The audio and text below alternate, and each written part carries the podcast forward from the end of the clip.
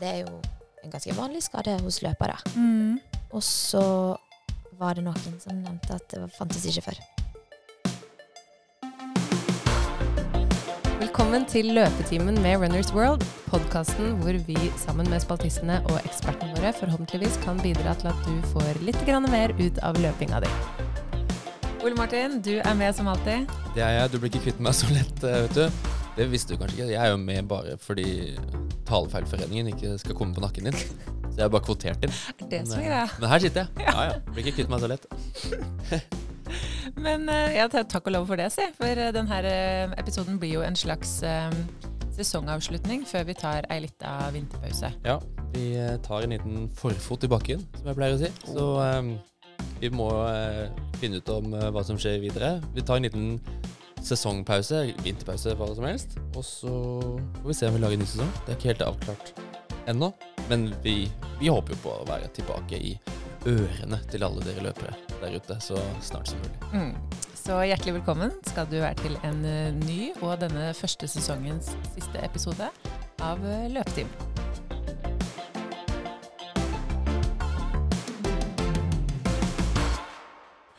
I en tidligere episode så snakka vi med eliteløper og fysioterapeut Elian Dvergsdal om skadeforebygging, og hadde vært sånn at eh, at ingen løpere noensinne ble skada, så kunne vi egentlig bare slutta der. Men eh, sånn er det dessverre ikke. Her sitter det, vi. Ja.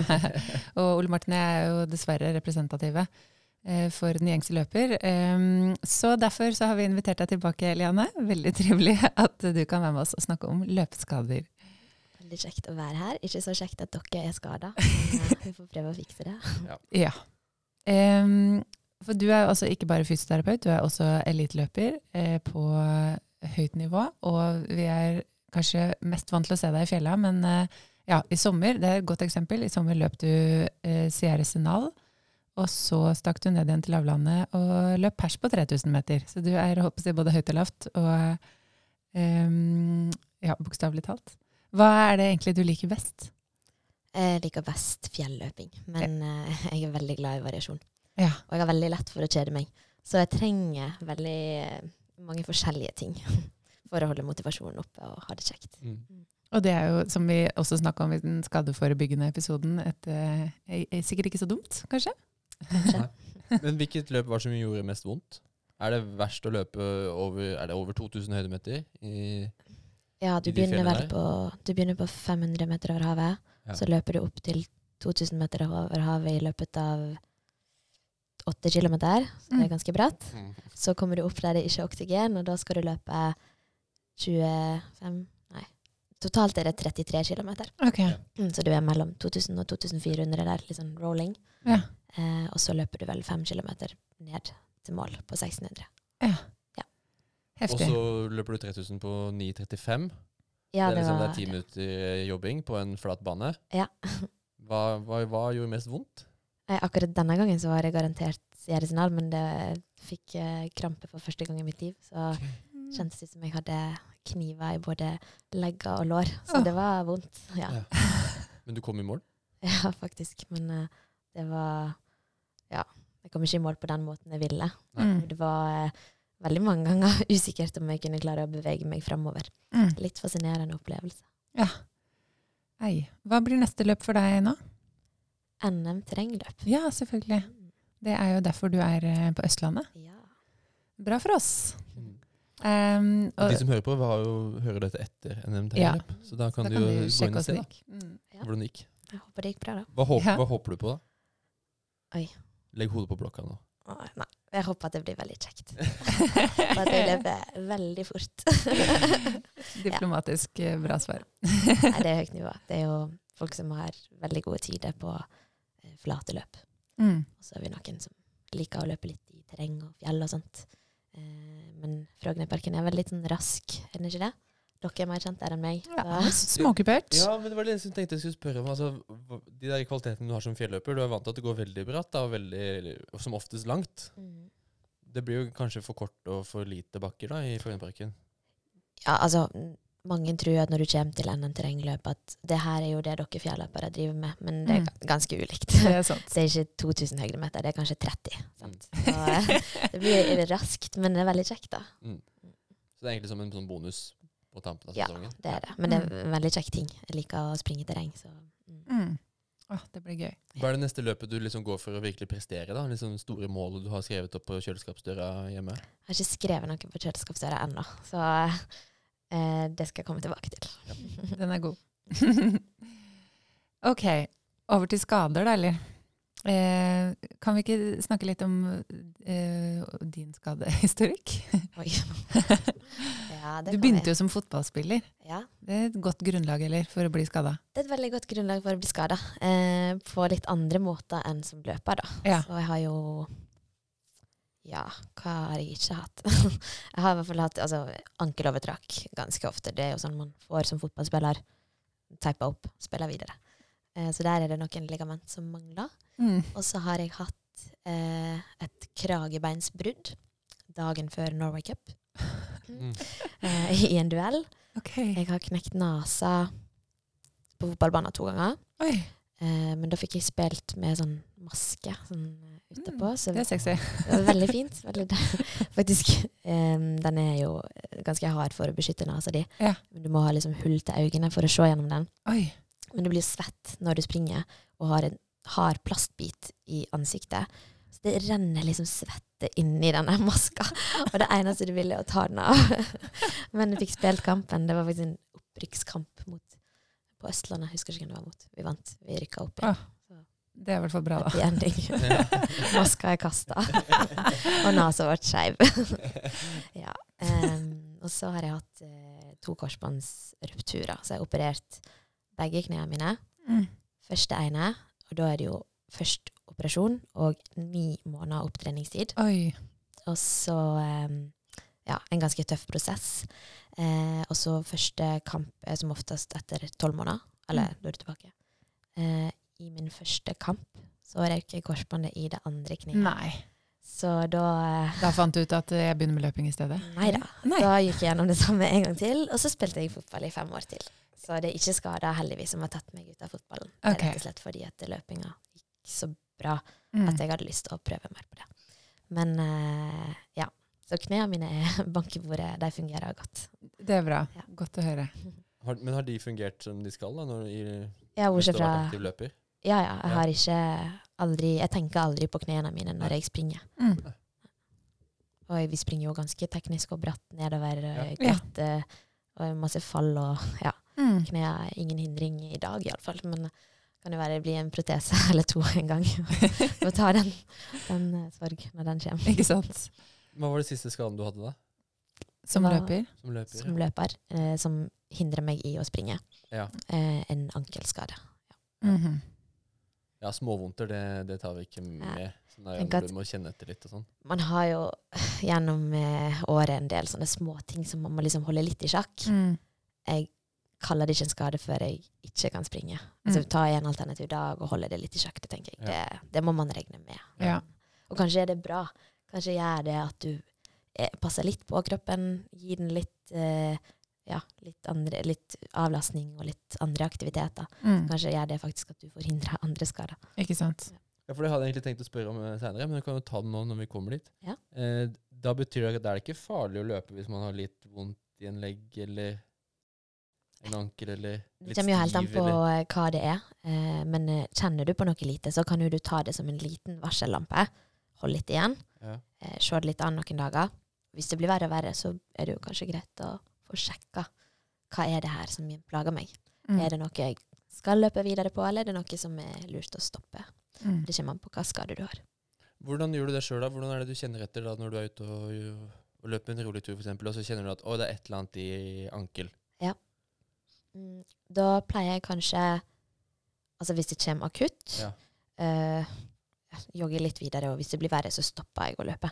Eh, hvis det kjennes ut som det er stabilt, så er det kanskje å, å liksom se litt på det, gi det et par dager. Kanskje ta jeg alternativt neste dag, Ja. eh, og sjekke igjen dagen etter. Ok, går det greit? Ja, da kanskje er det plutselig allerede vekke etter to dager. Men hvis det er noe som på en måte vedvarer og eller blir verre, så går jeg kanskje litt videre på å avlaste litt mer, eller oppsøke noen uh, som kan se på det sammen med meg, da. Mm. Jeg har fått høre at hvis det ikke blir verre av å løpe, så kan jeg fortsette å løpe. Ja, kanskje. Med mindre det er noe som du og som allerede er så ille at du ikke har lyst til å ha det med deg videre. Uh, men hvis det er på en måte stabilt og bare en liten sånn plage, og, ja, så, så høres det ut som en, på en måte, liten sånn regel, ja. Mm. Ja. Hvor ofte er det du kjenner på sånne småting, da? Oi. Det varierer jo veldig. Av og til går det jo liksom Oi, nå har det gått to måneder uten å ha kjent noe som helst. Det er skummelt å tenke på, for da kommer det noe. Plutselig så kan det være en fase der du kjenner litt her og der. Kanskje typisk sånn hvis du har masse tette konkurranser, eller i en fase der du har sovet litt dårlig. Ja, ting som Du har høy reisebelastning, masse jobb. Da føler jeg at det dukker opp mer småting. Mm. Mm. Det mm, kan jeg kjenne meg igjen i. Ja. Eh, og er, nå har vi liksom allerede pensa litt inn på det, det, at det er vanskelig å snakke veldig konkret om løpsskader, fordi det, eller skaden sitter jo på en kropp, så, og den har en annen historikk eh, og en annen eh, biomekanikk kanskje enn en, en annen løpers kropp. Så vi skal forsøke å liksom eh, komme innom de fleste mest vanlige løpsskadene. Og være så håper jeg, si, lure som vi kan i vår rådgivning, eller din, da. Samtidig som eh, ja, det, vi må belage oss på at det, det blir litt generelt, og at mange av rådene ofte er eh, du må se det an, eller det kommer an på. Mm. Eh, Men apropos akkurat det der med, med småplager som man bare eh, ofte eh, aksepterer at man har, da, det tror jeg veldig mange løpere kjenner seg igjen i. Mm. Jeg hadde vondt i en akilles i to-tre år, liksom. Men bare holdt det i sjakk. Det ble aldri verre. Det ble ikke bedre heller. Jeg prøvde alle, alle mulige slags triks i boka. Og så plutselig en dag var det over, liksom. Men eh, ja. Skal du hva du gjorde når det plutselig gikk over? Ja, faktisk. Og det høres jo helt sånn magisk ut. Jeg fikk et par eh, sko. Eh, skal jeg si hvem det er? Hvilke sko? Nei. det kan bli en hemmelighet. Ja. Men i hvert fall et par sko jeg ikke hadde løpt i tidligere, som da var helt nye da, som jeg fikk til testing. Og så eh, sprang jeg ut eh, og løp en mil i de, og på liksom andre kilometeren så bare forsvant det. Det er veldig rart. kult. Og det er jo ikke sikkert det var skoene heller. Eh, Det kan jo ha vært tilfeldig. For da hadde jeg jo holdt på en stund med liksom riktig styrketreninga. Og, ja. og jeg vet ikke om det var selve scenen heller, om det, eller om det var hinna rundt. For Ja. I og med at det ikke Det ble jo aldri verre. på en måte. Jeg, kunne, jeg løp en maraton med det her, og liksom, det funka greit. Så ja, det er ikke alltid så lett å liksom få um, has på skadene, eller få liksom, skjønne seg på dem Mm. og hva som funker og hva som ikke funker. Men at man kjenner jo etter hvert sin egen kropp, da, og klarer å lirke det til på et eller annet vis, liksom. Du begynte nok å bli ganske trygg på at dette kan jeg på en måte fortsette med Ja. etter en stund. Ja. Mm. ja. Og så er det noe med Det er jo en annen eh, ting, da, men dette med Når du har hatt en smerte så lenge, så blir man jo til slutt usikker på om den er reell, hvis du skjønner. men ja. Det, det er kanskje ikke det vi skal snakke om i dag.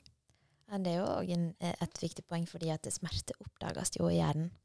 Ja. Det kan være litt sånn eh, skummelt òg, fordi at eh, smertebanene våre ja, som, altså Hvis du har hatt vondt en plass lenge, Mm. så blir det akkurat som den signalbanen som går fra det stedet til hjernen, liksom varma opp, sånn at den enklere sender smertesignal. Ja, Ikke sant? Det makes sense. Ja. Mm. Og det er det samme eksempel hvis du får et hjerteinfarkt. Mm. så man, kjennes det ut som man får vondt i armen. Eller det kan kjennes ut som smerten kommer derifra. Ja. Fordi at hjernen er ikke vant til å få smertesignal fra hjertet, Nei. men fra armen. Ja. Det er ganske fascinerende. Smerte er en egen en vanskelig ting å forstå seg på. Ja. Ja, men virkelig. Hm. Det er interessant. Men den akillesen din det var jo da en skade som du på en måte kunne bare eh, leve med og Ja. løpe med. Det skura og gikk. Ja. Um, um, på den helt andre siden så finnes det jo de helt akutte skadene. ja. Som du sier, altså Hvis du har en ankel, så kjenner du at nei, dette går ikke lenger, jeg må stoppe. Mm. Et overtråkk, Um, for eksempel. Et overtråkk, for Ja. eksempel. Um, bare sånn helt basic i starten, dette RISE-prinsippet. Mm. Kan ikke bare ta oss kjapt gjennom hva det går ut på. Hvis du får en akutt skade, du får vondt med en gang, Mm. Hva gjør man da? Ja, Kjempebra. Det er jo litt sånn skadens førstehjelp. Ja. Um, og det, det står jo det RISE for rest, altså hvile. Eh, og ice, ise ned. Eh, C compression og E elevation. Så det handler om å altså, stoppe den eh, aktiviteten du gjør, gi området hvile. Rest er ikke nødvendigvis at hele deg må hvile, men det området som er skada, skal du på en måte hvile. Eh, kjøle det ned for å stoppe den inflammasjonsprosessen som ofte starter når du får en skade, og det kommer gjerne en hevelse til. Mm. Det er bra at det skjer, for det sender eh, reparasjonssignal til området. Men det skjer litt mer enn vi trenger. Mhm. Så hvis vi kan stoppe det litt, så tre- trenger ikke vi at ankelen blir liksom dobbelt så stor som den skal være. Det kan være bra når du skal tilbake igjen, at det ikke er så masse hevelse der. Mm. Det er det samme med den compression, eller kompresjon. At man legger på noe litt stramt rundt området. Bagasje, bandasje.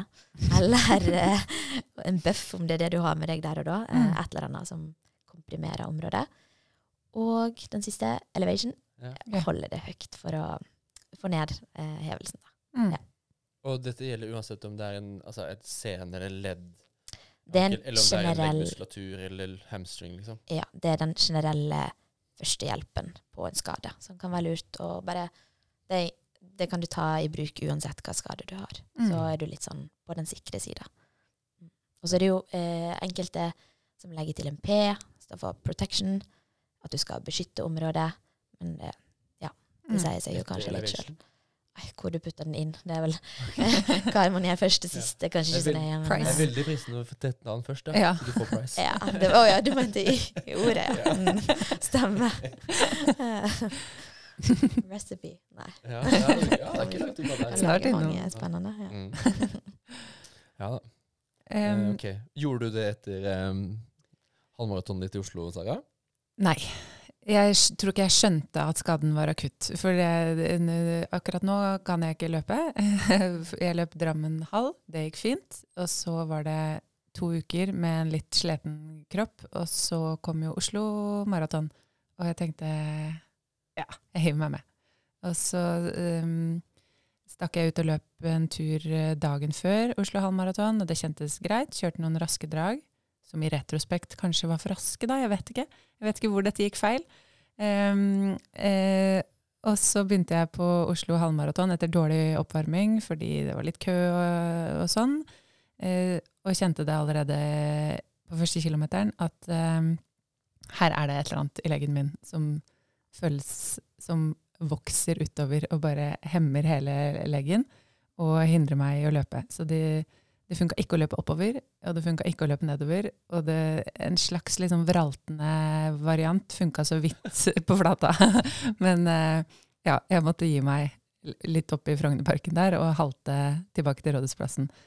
Det var utrolig stusslig, faktisk. Jeg kaller det en alternativ walk of shame. Du fant ikke noen sparkesykkel eller noen ting? Jeg hadde jo ikke med meg noe, Nei. eh, så jeg, ja, så, det, mm, ja, så jeg gikk med bøyd hode. Ja. Eller gikk. Ja, vralta. Eh, ja. ja, og da trodde jeg jo bare at jeg var litt overbelasta, og at jeg kunne løpe igjen etter et par dager. Og så har jeg vel innsett at det, det funka ikke. Så nå mistenker jeg at det kanskje er en strekkskade. Em, jeg skal til fysioen først om tre dager, så det blir spennende å se. Men det er godt jeg har deg her. Ja. Men du har ikke fått det undersøkt ennå. Nei. Det er jo det er en viktig ting. Starte med å finne ut hva er problemet. Mm, Som, da får man på en måte mer Da vet man mer eh, hvordan man kan behandle det. ikke sant. Veien videre. Ja. Jeg tror mange løpere som meg er gode på uh, selvdiagnostisering. Ja. Med litt hjelp av Google, og Ja. bare teste ut litt forskjellig. Det, det, ja. Da sitter vi her på andre uka og har ikke kommet noe lenger. Sjekke er jo de gangene når man klarer å fikse det sjøl. Ved Det er litt sant. sånn eh, egen prøving og feiling. Ja. Men eh, Hva har du gjort nå de to ukene på egen hånd, da? Um, jeg har sykla. Jeg har eh, hengt litt på romaskina. Jeg har trent mer styrke. Og alt det her er jo bare bra for meg, egentlig. Eh, og så har jeg vært innom ellipsemaskina. Ja, så jeg prøvde å bare smette inn alt. Eh, for jeg kan virkelig ikke løpe. Og de, ja, jeg har jo testa det òg, selvfølgelig. da. Prøvd å løpe. Og så har jeg rykka tilbake til start. Ja. Så mm, kroppen ja. gir jo ofte beskjed, og det er jo det fine. At den, den sier fra at nå må du stoppe og stoppe. Nå kan ikke du løpe med den skaden din. Ja. Um, så gjelder det å finne ut hva er det, hvorfor. Mm. Ikke sant. Men det høres ut som du har vært veldig flink på å innføre alternativ trening, da. Eh, har jo strengt tatt ikke hatt noe valg hvis jeg skal bevare husfreden. Så, men ja. Men det, det er jo riktig som du sier, at man kjenner jo forskjell på eh, her funker det så vidt å løpe, eller det går egentlig ganske greit, det blir ikke noe verre, eller eh, ja, versus nei, har ikke sjans, liksom. Ja. Eh, og da, ja, bør man komme seg til en fysio, kanskje, eller i hvert fall iverksette noen tiltak. Det er sikkert lurt, ja. Mm. Men eh, ja, det, er jo liksom leggen, og det er jo en viktig bestanddel i løperens hverdag, holdt jeg på å si. Eh, hvilke andre eller ja, hvilke andre typiske leggskader er det løpere ofte får? Mm, Ja, det er mange som plager med sånn typisk sånn Mange kaller det beinhinnebetennelse. Det fins mange ord på det. Det er kanskje det Mm. som er mest vanlig kjent blant folk. Ja, Eh, foran litt på sånn leggen. Irritasjon der i, i skinneleggen. Mm. Eh, du har jo òg stressfrakturer i leggbein. Ja. Eh, De to tibia og fibula. Mm. Akilles, ikke minst. Det er Mm. kanskje ganske vanlig blant Ja. løpere. Når vi løper, så jobber jo leggmuskulaturen ganske masse, og akillesen er jo den som fester leggmuskelen til helbeinet. Mm. Så den må jo liksom være der og ta imot den krafta. Mm. Hva er liksom dine Hva er fysioens eh, beste eh, Går det an å gi noen sånne råd om leggproblematikk på litt sånn generelt grunnlag? Ja, Um, råd er jo alltid liksom forebygging, ha kontroll Mm. på treninga di. Ja. um, varme godt opp. Du nevnte jo at du Mm. kanskje ikke varma godt nok opp. Mm.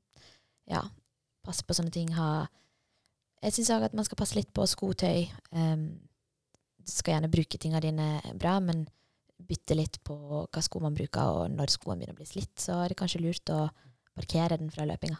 Mm. Um, ellers andre ting Ja. Det, det er egentlig mest de tinga det går på som jeg kan komme på nå, da. Mm. Og så når man har, har, man har en leggskade, og den er på bedringens vei, og man er liksom i den rehabiliteringsfasten og på vei tilbake og begynner å løpe litt, hva er det viktig å huske på at man må Er det noen forhåndsregler for den leggen man må ta? Ja, altså da, da vil jeg jo tenke at det kan jo variere hva skade man har hatt i forhold til rehabiliteringa, hva man bør gjøre. sant? Men eh, er du svakere der, så må du gjerne passe litt på å gjøre øvelser. Og det viktige når man er på vei tilbake fra en skade, er jo å um, bygge opp treninga veldig gradvis. Mm. Så du ikke hopper rett tilbake i det programmet du var i før, eh, men ta steg for steg. Mm. Mm. Mm. Hva med, altså, hvor viktig er det at leggene er sterke? Ja, det, det, det er viktig. Ja. Skal de tåle belastning, så må de være sterke. Mm. Så det er jo derfor man gjerne gjør litt øvelser. Som med alle andre skader i en rehabilitering, så er det jo Mm. ofte det å styrke opp eh, litt balanse, styrke og ja, tåle det som skal komme. Mm. Det har jeg også hørt eh, kan hjelpe på, på knærne, hvis, man, hvis vi ser litt, litt opp, lenger opp på beina. da. Ja. Um, man, altså, løpekne er jo en runner, runner's knee. Ja. Er jo en veldig kjent greie. Mm. Jeg har vært der innom der sjøl. Da jeg måtte begynte å løpe mer og mer, Mm. så var det vondt på innsida av kneet. Og da var det sånn, da det om å, fikk jeg beskjed om å styrke opp muskelgruppene rundt Ja. kneet. Mm. For å på en måte tåle den belastningen som du får i Mm. kneet.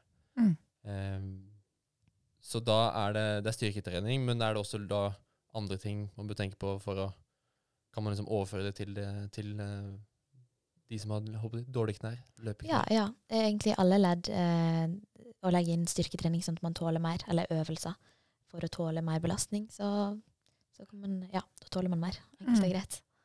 Og det vi var litt innom i stad, Hvis man har litt vondt i kneet når man løper, Mm. men det føles stabilt, Ja. hvordan vet man om det er et løpekne, eller om det bare er litt sånn rusk? Ja. er det. Det er ikke alltid man vet det sjøl. Kanskje hvis du går til en fysio, så vet kanskje han kan hjelpe deg hvordan man finner det ut. Um, og av og til må man jo bare se litt an. eh, Kanskje justere ned litt belastninga. Kanskje går det over i løpet av et par dager. Men ja, blir det vedvarende, så er det jo greit å få det sjekka. Mm. Ja, for akkurat knærne føler jeg er komplekse. Mm. Um, og ja, det, det, det, er, det er liksom ikke så lett å få tak på hva det kan være. Av og til så ja, er det et eller annet rusk der, og så prøver jeg bare å legge om steget litt, og så er det kanskje borte. Ja. Ellers så kjenner jeg det i to dager, og så forsvinner det igjen. Eller, ja. Sant? Vi har jo Eh. veldig mange strukturer. Mm. Både ligament og slimposer, muskelsene som fester. Altså mange strukturer.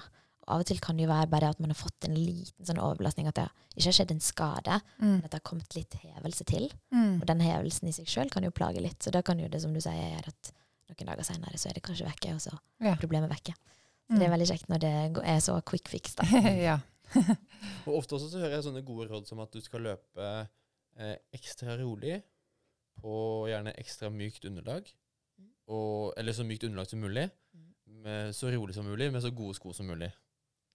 Høres ut som man på en måte bygger litt gode rammer. I hvert fall det mjuke underlaget. Ja. Gå på grusen eller på gresset istedenfor asfalten, kanskje.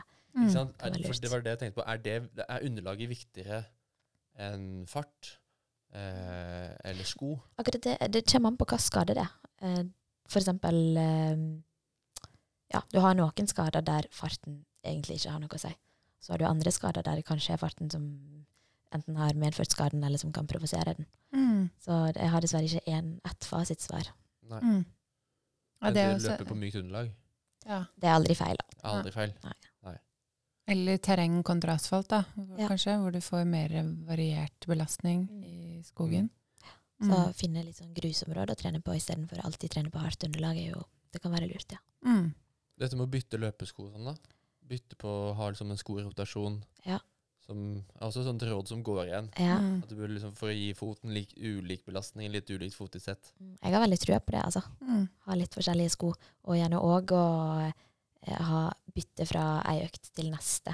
Sånn at òg skoen liksom får henta seg inn litt, og du får uh, forskjellig belast... Eller ja, alle sko er jo bygd litt forskjellig, sant? sånn at belastninga ikke blir den samme hver gang. Mm. Kommer jo litt inn på den variasjonen. Mm. Alt vi kan variere, er jo bra for kroppen. Ikke sant. Og det gjelder jo sikkert eh, alle typer skader, og ikke bare eh, knær, som vi var eh, inne på nå. Um, bare litt tilbake til det du nevnte i stad, med at eh, vi er kanskje, Det høres logisk ut at det er mindre belastende å løpe sakte. Jeg tror det var i forrige utgave at du da sn- snakk, eller skriver du litt om styrketrening og stressfrakturer og Stemmer. em, Ja, for der var jo det en uh, ny forskning som har sett på akkurat det. mm, Fordi at det er lenge en sånn litt sånn uh, Ja, som du sier, litt sånn regel, eller mange mener at det å løpe sakte er bedre. mm, Og der så de jo på Jeg tror det var eh, leggbeinet. De målte belastninga på leggbeinet ved rask løping og sakte løping. mm. Der faktisk den sakte løpinga var mer belastende. Ja. Så det var jo litt sånn eh, nye tanker. Og, Ikke sant. Men så det er ikke alltid nødvendigvis at det å bare ta det saktere er bedre. Um, men nå var det belastninga på leggbeinet. Mm. Kommer man til sånne senefeste og litt sånn ja, muskulatur som er litt sår, sånn, så kan det være at det er bedre å løpe sakte. Mm. Så igjen så kommer det an på hva skade eller hvor man har problemer. Ikke sant. Um, Er det noen andre kneskader som er veldig vanlige, som uh, man bør eh, tenke litt ekstra på når man uh, skal trappe opp løpinga igjen? Ja, mange får jo litt sånne diffuse knesmerter. Det er, jo, det er jo alltid vanskelig når ting er diffust. Men mm. runners knee er jo absolutt det mest vanlige blant løpere. Mm. Grunnen til at det har det navnet. Um, du har jo menisk, leddbånd og korsbånd, men det skjer jo ofte mer i sånne akutte tilstander. Mm. Menisken får man kanskje litt problemer med òg, med alderen etter hvert. Men, eller du kan få det når du er ung òg, selvfølgelig. Mm. Um, men ja, jeg tror runners knee er den mest vanlige, ja. Jeg har hørt at, eh, at det er en sammenheng mellom gluteus medius, altså den eh, muskelen på sida av rumpa, Ja. eh, og løperkne. Ja. Stemmer det? Det stemmer. Um, du har noe som heter tractus iliotibialis, som er et stramt bånd som går fra hoftekammen og ned til eh, kneet. Mm -hmm. uh, og den og flere andre muskler fester litt sånn delvis i det traktusbåndet. Så det er derfor òg at det, det kan føles litt sånn stivt. Gjerne hvis man tar handa og trykker liksom hardt inn nedover på utsida av låret, Ja. så kjenner man at det er litt sånn ømt og vondt. Så Mm. den kan bli litt sånn stram, og det kan ha en, en påvirkning på at du får eh, det runners knee lenger ned, ned mot kneet der det fester. Så ja, det er en okay. sammenheng der. Så um, jo sterkere mm, gluteus medius er, jo mindre sjanse er det for løpekne? Er det sånn? Muligens ikke dumt å være sterk i den, iallfall. Okay. Og hvis man har fått løpekne, så er det ofte da lurt å jobbe med gluteus medius. Yes. Ja. Mm. Veldig bra. Sant? Mm. Ja, man begynte å skjønne noe. Ja. Ja. Skjønne noe ja. For jeg av og til, det løpekne hos meg er sånn som kan eh, rykke litt til innimellom. Mm. Eh, at jeg bare kjenner en liksom stikk av smerte, men ikke, det har aldri satt seg ordentlig. OK. Og så kjører jeg litt ettbens knebøy mens jeg pusser tenna, Mm. og så, og så blir det borte. Ja. Sånn, Så ja, to runder med det, liksom. Ja. Så det er eh, ja, en av mange sånne holde i sjakk-tiltak. Ja. Du har funnet noen gode løsninger. Ja. Fornøyd med den. Så hvis du har vondt i kneet, så må du styrke opp uh, rumpe og hofte. Kanskje det, i hvert fall hvis du er svak der, da. Så må Ja. du styrke det opp. Men det har jeg også hørt hvis du har vondt i hamstringen. Så At da sitter du også ofte litt lenger opp. altså, ofte kan det sitte lenger oppe, men jeg, Ja. jeg kan ikke love at det alltid gjør det. Nei. Men er, det er noen koblinger. Eh, Jeg skjønner selvfølgelig at beina er kobla sammen beina her, sammen. hofta og ned. Ja, bra. Ja. Såpass har jeg fått med meg. Ja. Men eh, du har slitt med hamstringen, Ole Martin. Hvilke tiltak gjorde du? Ehm, nei, det aller største tiltaket har vært styrketrening. Ja. Ehm, og så har jeg prøvd liksom mye annet med Gjorde du styrketrening for hamstringen eller hofta? Ja, ikke sant? Det er det. Jeg gjør Mhm. styrketrening for hamstringen. Ja, og hvorfor var det den du valgte? Fordi det føltes så konkret. Fordi at du var svakere der, eller? Ja. ja.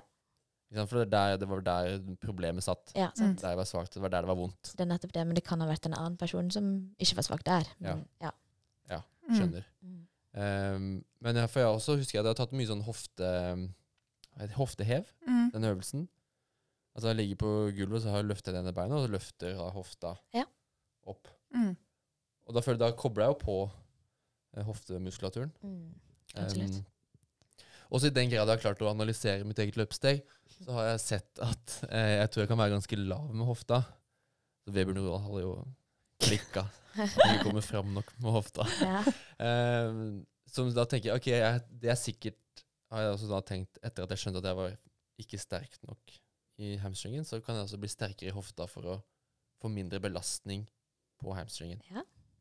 Lurt. Lurt tenkt. Ja. Og så ja, det er lurt å være sterk i hofta uansett Ja. når du skal løpe. Så Ja. skal det nok ikke å legge inn den øvelsen. Mm. Mm. Um, apropos hamstring, da. Jeg vet ikke hva man kaller hamstringskader. Det er bare Ja. noe, noe løpere sliter med ofte. Stramme hamstrings, liksom. Ja. Så, um, Men da snakker eller- vi overbelastning eller Ja. Mm. Som det, er veldig, det er veldig lett å si at det er et eh, problem med styrken. Eh, ja, altså, du, men det, det er jo lett å sjekke. Ja. Mm. Så ja, tar du en styrketest på deg sjøl, som du gjorde, da, så kan du jo se om det er det som er problemet. Ja. Mm. Men det kan jo selvfølgelig være strekk. Kanskje spesielt vanlig hos sprintere og, Ja. som har litt sånn eksplosive aktiviteter. Mm. Og da kommer Rice. Ja, da vil jeg starte der. Ja, ikke sant? sant? Så hvis man er plutselig ute og løper og plutselig napper Mm. bak i låret, Ja. så er det bare å stoppe og gå av den intervalløkta, f.eks. Ja, jeg tror du taper veldig lite på å stoppe den.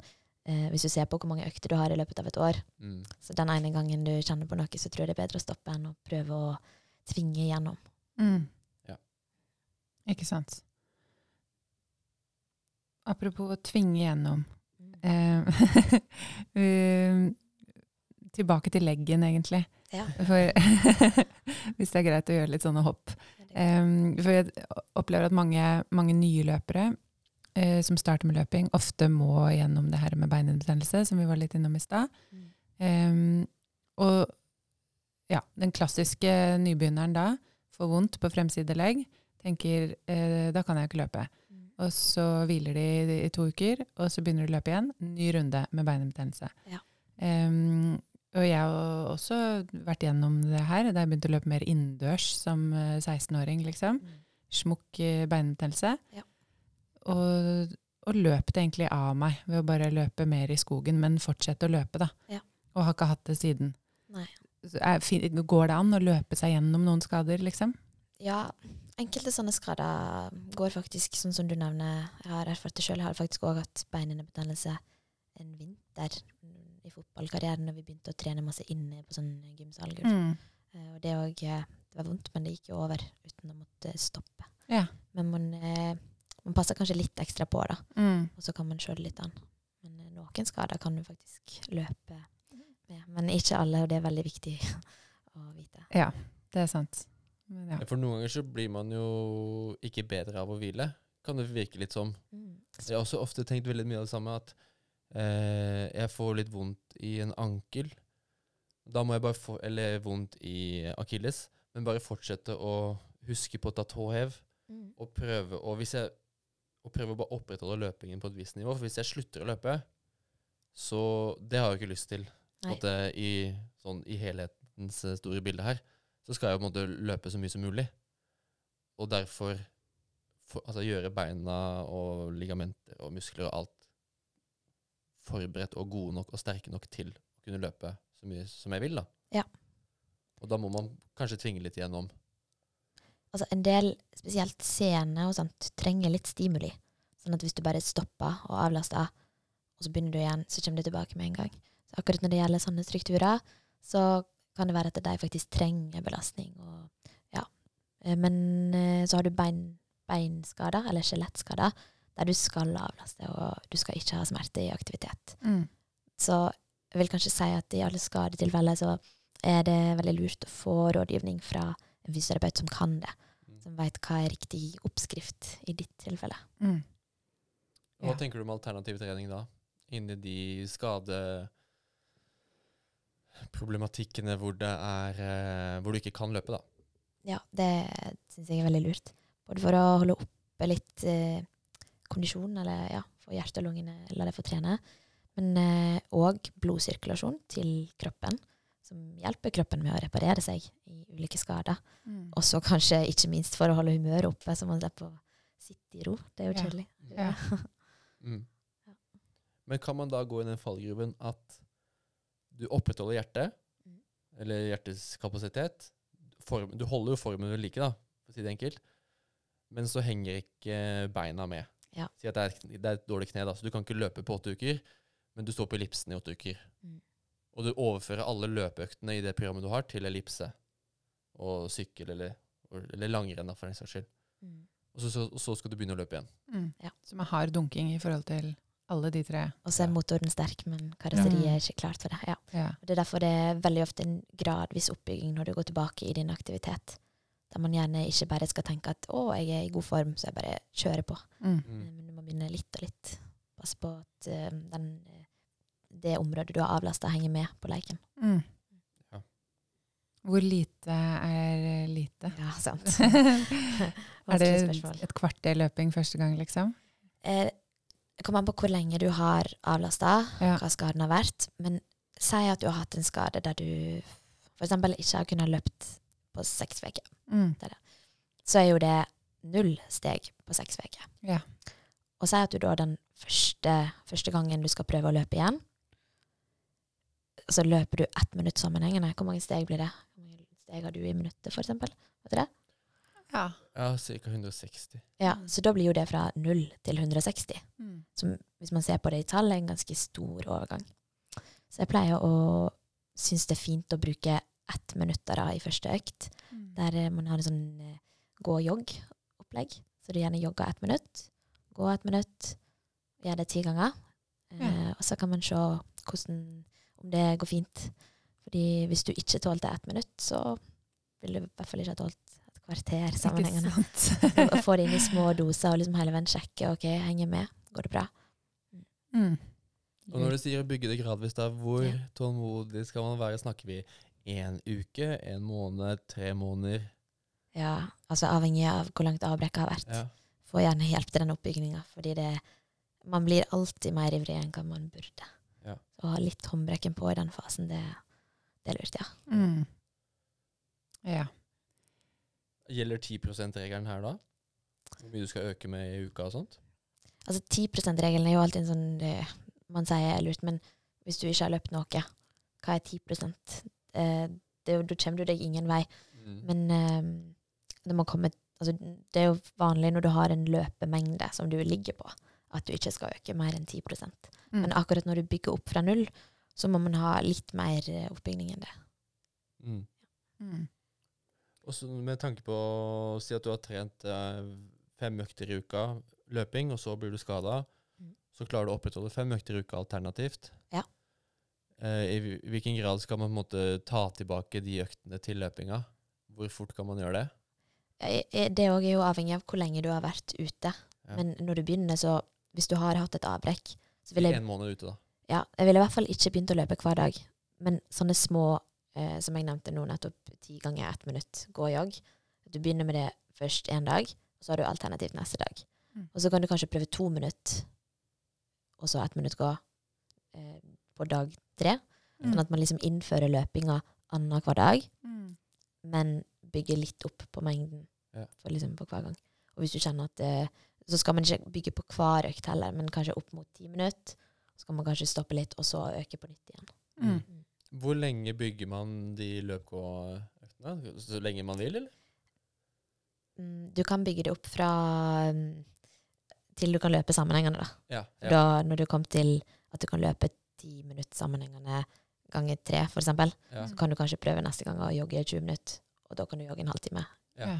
Og da er du på en måte i det. Ja. Så da bygger man seg oppover mot det man pleier å trene. Mm. Det er eh, tålmodighets... Uh, Ja. Det er det. Det føles veldig seint. Ja. Så det, ja. Mm. Og når du først da har kommet opp, si at du har kommet opp på en halvtimes jogg, Mm. når kan man begynne å løpe intervaller da? Ja. Det, når kan man begynne? Sånn? Ja. Det, på onsdagen. Nei da. Det det er derfor jeg sitter her. Ja, jeg skal ja. stille de vanskelige Ja, spørsmålene. sant. Nei, så må man jo se litt etter hva skjer der og da. Hvordan føler du deg? Eh, Er det smertefritt? Liksom, ja. Men når man føler seg trygg på at rolig jogg går fint, jeg vil kanskje ha kjørt 40 minutter, så kan du kanskje legge inn litt intervall i den neste økta. Mm. Du ikke tar liksom full intervalløkt, men ja, sniker det inn, da. Ja. Og så er det jo ingen fasit om du skal gå fra ett minutt til to minutt til fem, eller fra Nei. to til åtte. Sånn, det handler mer om at det skal skje gradvis. Mm. Ja, om, Så det kan være ti ulike program som er ulike, men riktige. Ja. Men de har litt av det samme eh, ja, tinga i seg, men ser litt ulike ut. mm.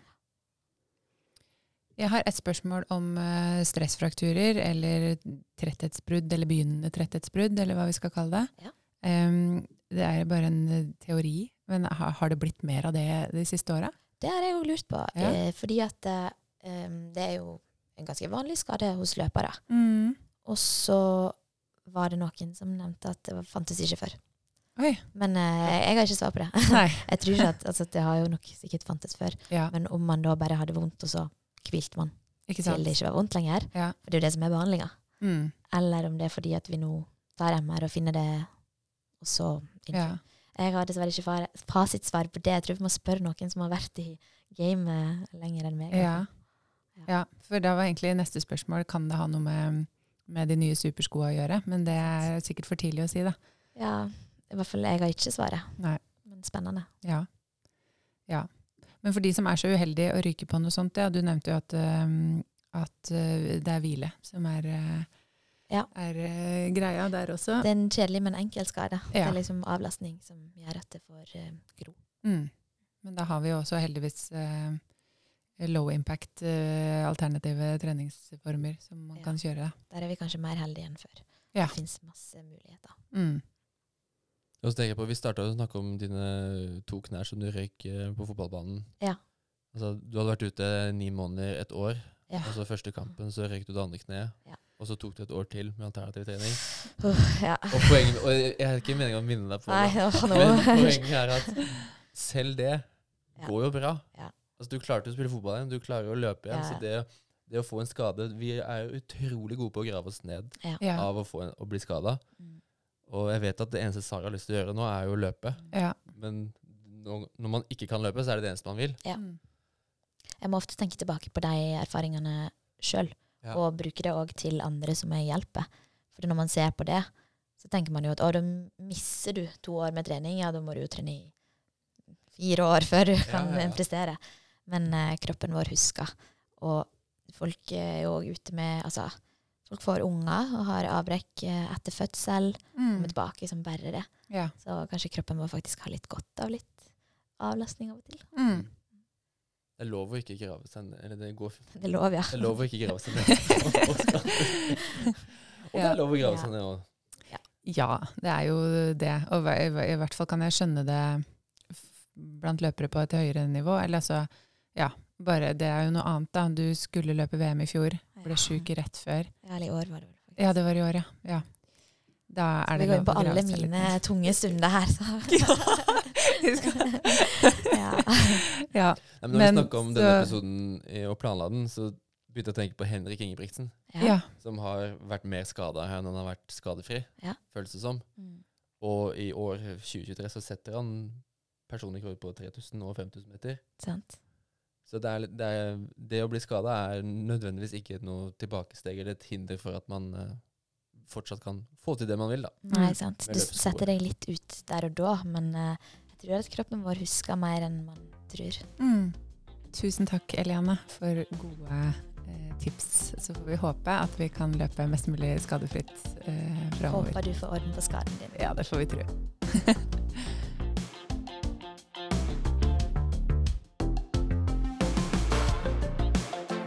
du likte det du hørte og har lyst til å gå enda dypere inn i materien, så kan du bli Runners World-medlem. Da går du inn på runnersworld.no slash medlem. Linken ligger i beskrivelsen.